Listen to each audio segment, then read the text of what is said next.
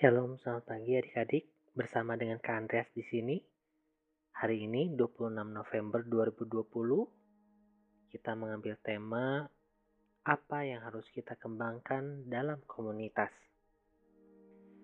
Ayat firman Tuhan diambil dari Kolose 3 ayat 12 sampai 15. Karena itu, sebagai orang-orang pilihan Allah yang dikuduskan dan dikasihinya, kenakanlah belas kasihan, kemurahan, kerendahan hati, kelemah lembutan, dan kesabaran.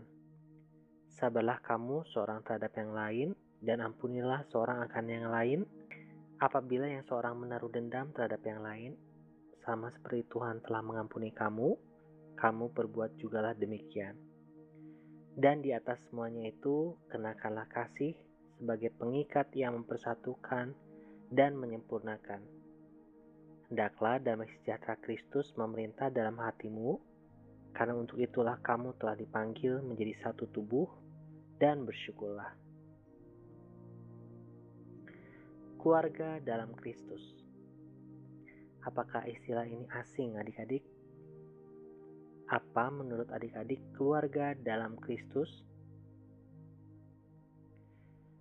Keluarga dalam Kristus terbentuk saat kita merelakan diri menjadi murid Tuhan Yesus. Orang yang datang menginjili kita sehingga kita lahir baru, dialah pembimbing atau orang tua rohani kita. Dan mungkin saja mereka orang tua kita secara jasmani. 1 Korintus 4 ayat 15 Sebab sekalipun kamu mempunyai beribu-ribu pendidik dalam Kristus, kamu tidak mempunyai banyak bapak, karena akulah yang dalam Kristus Yesus telah menjadi bapamu oleh Injil yang kuberitakan kepadamu. Kemudian beberapa pemuridan bergabung menjadi persekutuan atau komunitas. Di sini kita sebagai bayi rohani mendapatkan berbagai perhatian kasih.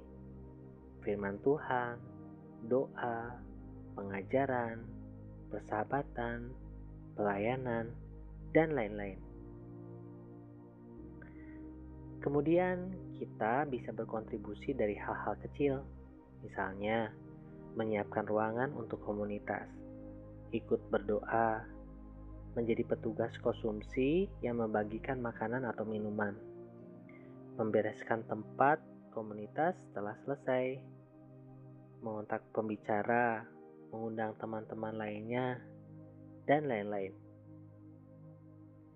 Sekecil apa pun yang kita lakukan menunjukkan bahwa kita mau belajar setia dalam perkara kecil. Dan akibatnya kita nanti dipercayakan perkara-perkara yang besar adik-adik. Matius 25 ayat 23 Maka kata tuannya itu kepadanya, Baik sekali perbuatanmu itu, hai hambaku yang baik dan setia. Engkau telah setia memikul tanggung jawab dalam perkara yang kecil aku akan memberikan kepadamu tanggung jawab dalam perkara yang besar. Masuklah dan turutlah dalam kebahagiaan Tuhanmu. Dalam kita berkomunitas, pasti ada gesekan, ketidakenakan, disalah mengerti, direndahkan. Tetapi yang selalu harus kita ingat, kita melakukannya untuk Kristus Yesus. Kalau setiga 23 Apa pun juga yang kamu perbuat, perbuatlah dengan segenap hatimu seperti untuk Tuhan dan bukan untuk manusia.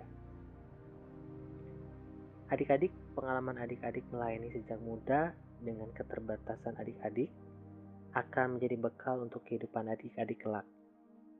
Kita belajar memiliki hati nurani yang murni sejak awal, menjadi pribadi yang terus bertumbuh dewasa di dalam Tuhan. Jadi, Jangan takut memulai atau bergabung dengan komunitas yang ada di gereja adik-adik. Kemudian kerjakan mulai dari hal kecil yang adik-adik bisa kerjakan. Tentunya dengan bertanya kepada pendeta, pastor, atau kakak senior kalian di gereja ya.